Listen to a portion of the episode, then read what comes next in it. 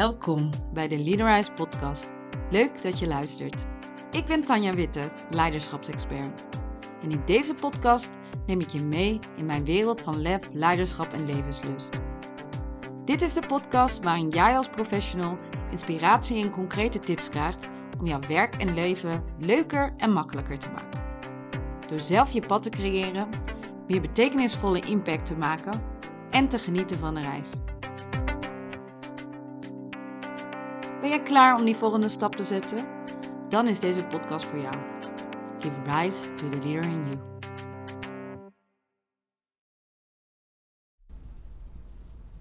Welkom bij deze Niederhuis podcast. Uit de auto met dat speldmicrofoon deze keer, zodat je en die inspiratie krijgt, maar ook goede geluidskwaliteit. Want dat vind ik uh, belangrijk. En op dit moment uh, zit ik met half Nederland, sta ik in de wielen. En uh, dat hoort erbij als je op een dinsdag een training geeft, helaas. Dit keer was het een teamtraining bij een MT dat effectiever wilde, wilde samenwerken. En dat deel ik om, uh, om een kijkje in mijn leven te geven, in mijn werkende leven. Maar het gaat natuurlijk niet over mij.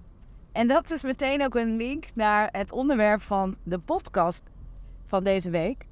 Het thema dat ik met jullie wilde delen, wat ik wel ooit ben tegengekomen in mijn carrière en wat ik nu ook deel in, uh, in mijn coaching, omdat ik merk dat het heel veel, voor heel veel mensen relevant is. En daarom denk ik ook dat het jou enorm kan helpen. Of je nou leider bent, of je nou ondernemer bent, zelfs als je mens bent, en dat zijn we allemaal, kan dit je enorm helpen. En eigenlijk is de boodschap heel simpel. Dit is de beste tip die ik ooit heb gekregen. En die tip is: de wereld draait niet om jou. En toen ik hem destijds kreeg aan het begin van mijn carrière, ik denk dat ik zo rond de 25 was, toen was ik heel bevlogen, wilde ik heel graag carrière maken. Vond het belangrijk dat uh, wat ik deed goed deed. Ook een beetje perfectionistisch ingesteld. En um, ja, vond het dus ook heel belangrijk dat als ik ergens energie in had gestoken, dat ik daar resultaat van, uh, van zag. En er waren momenten in mijn carrière waarin dat gewoon even niet lukte, waarin ik het me frustreerde dat iets niet snel genoeg ging, dat iemand bot reageerde, uh, dat, dat de reactie die ik verwachtte uitbleef, of dat iemand mijn advies helemaal niet zo fantastisch leek te vinden.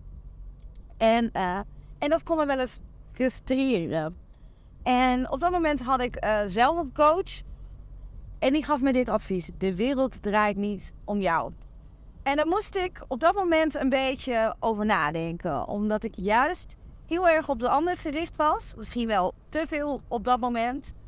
Waardoor ik hem in eerste instantie niet kon plaatsen. Ik dacht, ik ben toch juist heel veel met die ander bezig.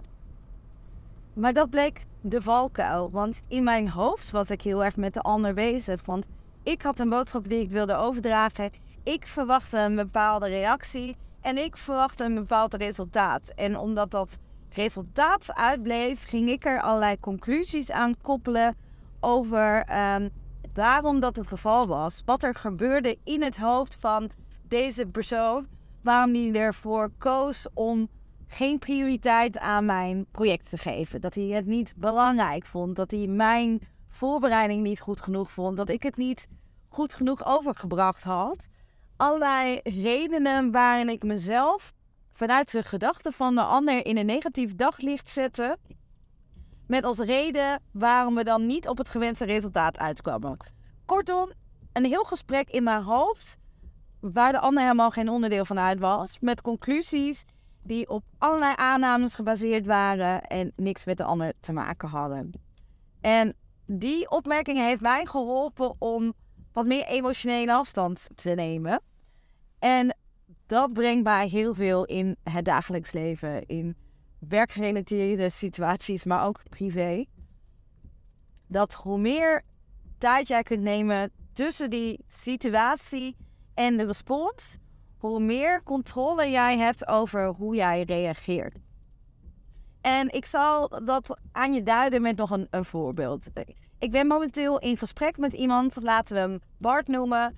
Um, en Bart is op, op zoek naar een nieuwe uitdaging in zijn carrière. Hij heeft heel lang succesvol interim functies bekleed. En hij wil nu een vaste baan, omdat hij merkt dat hij in interim niet meer door kan groeien.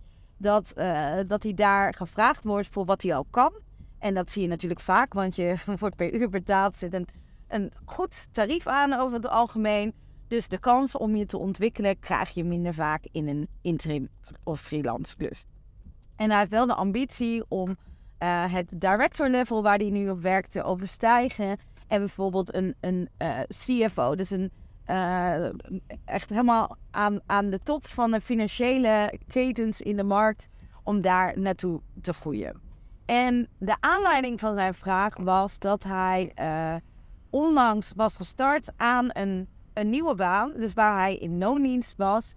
En dat hij er bewust voor had gekozen dat waar hij in, in de interim klussen wat afstand neemt, dat hij alleen op inhoud betrokken is, dat hij bij de baan ook relationeel betrokken wil zijn. Dus dat hij het heel belangrijk vindt om te verbinden, de relatie te hebben met, met mensen, zodat het ook op de lange termijn uh, ervoor zorgt dat hij uh, daar kan groeien, kan bloeien en het beste resultaat kan neerzetten voor de organisatie. Maar wat was er nou gebeurd? Hij was gestart binnen een organisatie waar hij met een heel goed gevoel aan begon. En al binnen enkele weken waren er gesprekken waar hij een minder goed gevoel aan over had. Waar hij het idee had dat hij zichzelf moest bewijzen. Dat het respect dat voor hem een soort gegeven zou moeten zijn, dat dat, uh, dat dat er niet was. Of dat hij dat in ieder geval niet voelde.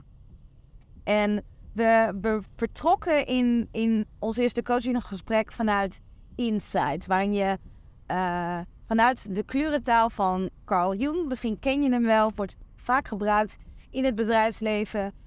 Kijk naar wat zijn nou je kwaliteiten en wat zijn je valkuilen. Welke dingen ga je makkelijk af, wat ga je minder vaak af. En hoe verhoudt dat zich in de communicatie met de ander? Nou, wat bleek dat hij heel waardegedreven werkt. Dus dat hij belangrijk vindt dat er harmonie is, positiviteit, maar ook respect. Dus dat hij graag met respect behandeld wil worden en op het moment dat hij dat niet voelt, dat dat voor hem een trigger is. Um,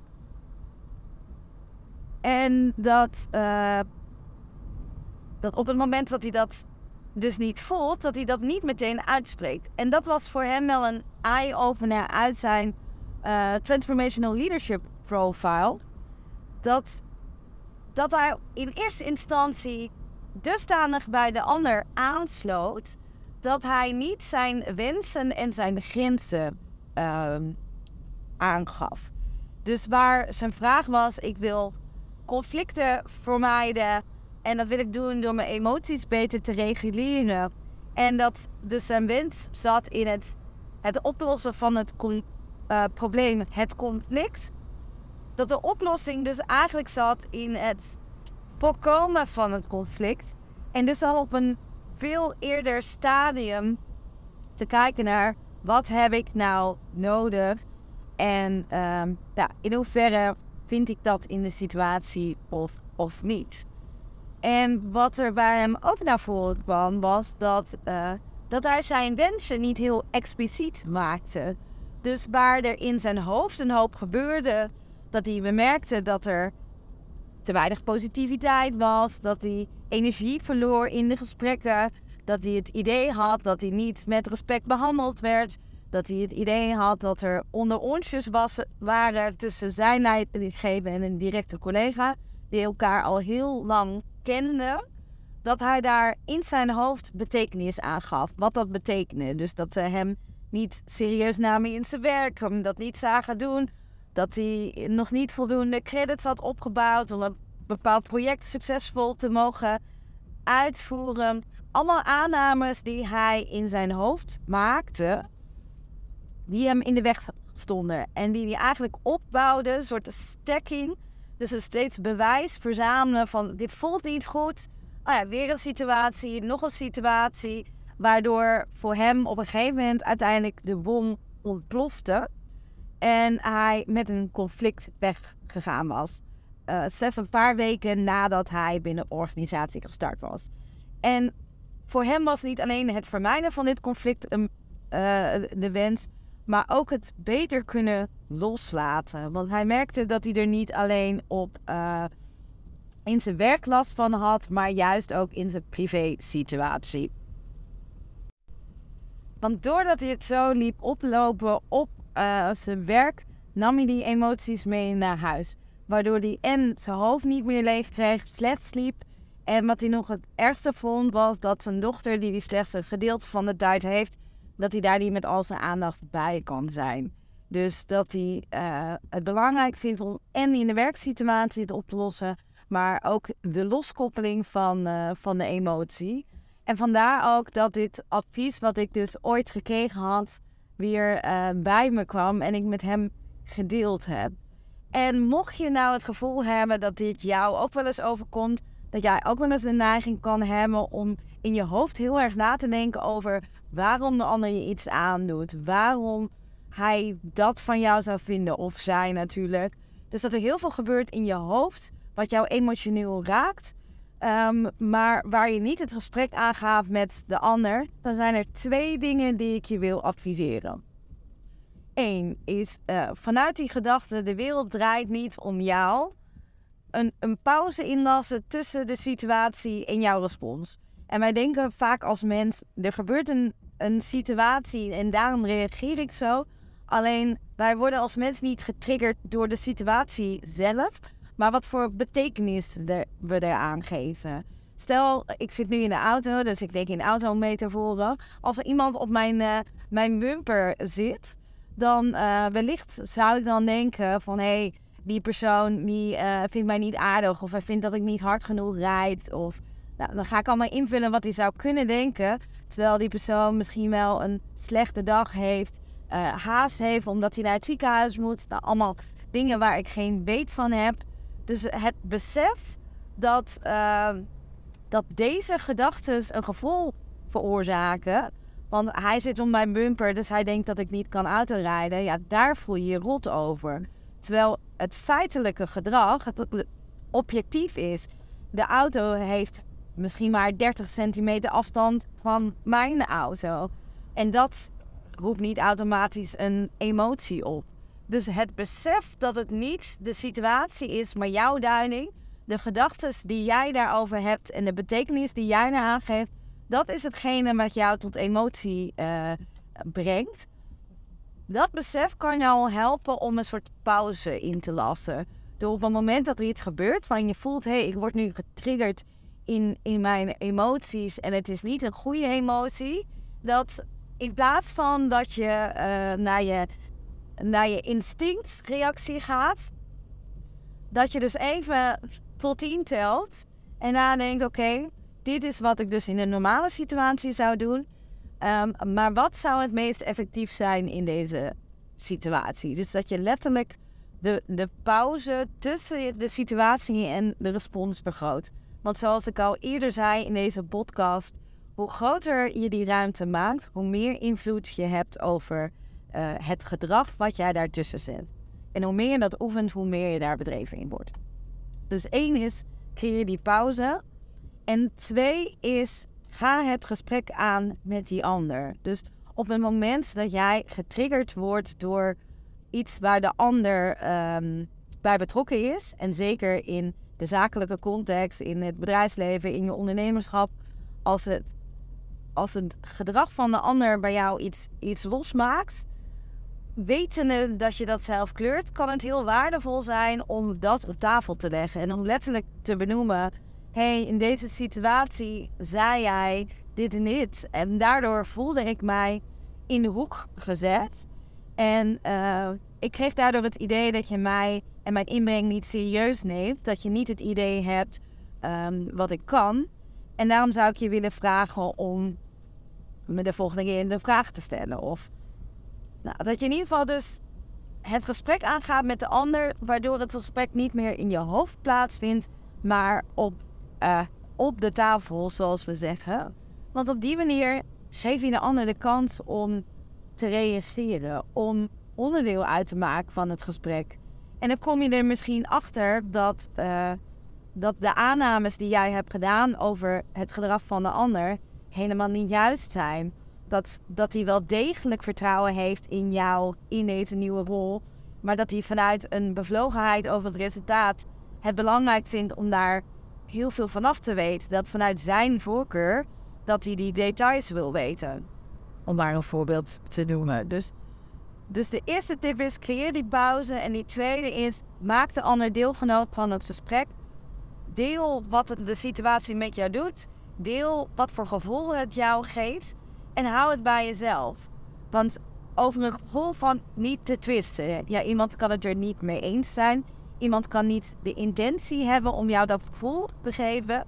Uh, maar je kunt het er wel over hebben. En soms door meer begrip te krijgen voor de positie van de ander, de reden waarom de ander tot dat gedrag is gekomen, de intentie die uh, de ander had, kom je tot een soort van common ground. Waarden die je allebei belangrijk vindt. Waardoor het makkelijker wordt om uh, of begrip te krijgen of samen te kijken naar wat, wat werkt er wel. Dus ik hoop dat door het delen van deze tip, dit advies, met de twee stappen die jij zou kunnen doen, dat je dit vanaf vandaag kunt toepassen in de praktijk. Het is niet heel ingewikkeld, de stappen zijn heel simpel. Het vraagt wel oefening om dit effectief te doen in de praktijk. En mocht je nou zeggen, dit is iets waar ik hulp bij wil, ik zou jou graag als coach willen, of ik zou eens uh, op zo'n leiderschapsdag, de Rise Leiderschapsdag op 19 mei, willen kijken hoe ik vanuit mijn doel, wat ik daar nou tegenkom, waarom ik zelf mijn, mijn eigen obstakel ben en wat ik kan doen om dat uh, op korte termijn met praktische handvatten op te lossen, dan ben je natuurlijk van harte welkom om een call in te plannen.